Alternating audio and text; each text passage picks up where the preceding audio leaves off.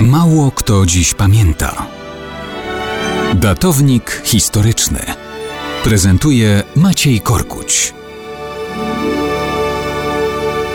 Mało kto dziś pamięta, że 28 lutego 1535 roku zmarł porządny krzyżak, nasz sojusznik Walter von Plettenberg. Krzyżak, nie krzyżak, zawsze był związany z tą częścią zakonu, która wywodziła się z zakonu kawalerów mieczowych w Inflantach. W 1494 roku został inflanckim mistrzem krajowym zakonu krzyżackiego.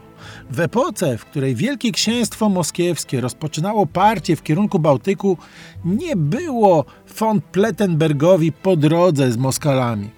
W marcu 1501 roku zawiera więc antymoskiewski sojusz z królem Polski Aleksandrem Jagiellończykiem. Jest zdolnym dowódcą, potrafi we wrześniu 1502 roku nad jeziorem Smolina pokonać moskiewskie wojska mimo ich kilkukrotnej przewagi.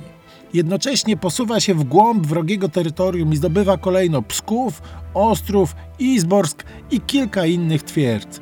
Chce wyrwać Moskalom sam Wielki Nowogród. Rozpoczyna oblężenie miasta. Jednak w tym czasie Moskwa zaczyna łupieszcze rajdy po inflantach. Von Plettenberg musi wracać i bronić swoich ziem. Ostatecznie udaje mu się ambitnego Iwana III Srogiego zmusić do negocjacji pokojowych. Te toczą się w Pskowie, gdzie obie strony dojrzewają do kompromisu. Iwan Srogi odzyskuje co stracił.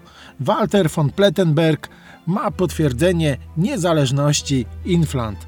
Zostaje przywrócony stan sprzed wojny. Umocniony w ten sposób Plettenberg będzie jeszcze przez kolejnych 30 lat panował w Inflantach, ale na koniec już nie będzie krzyżakiem bowiem po sekularyzacji Prus książęcych w 1525 roku Walter von Plettenberg odłączy się od zakonu krzyżackiego definitywnie. I takie to były dzieje krzyżaka, a potem już nie krzyżaka, naszego sojusznika Waltera von Plettenberga.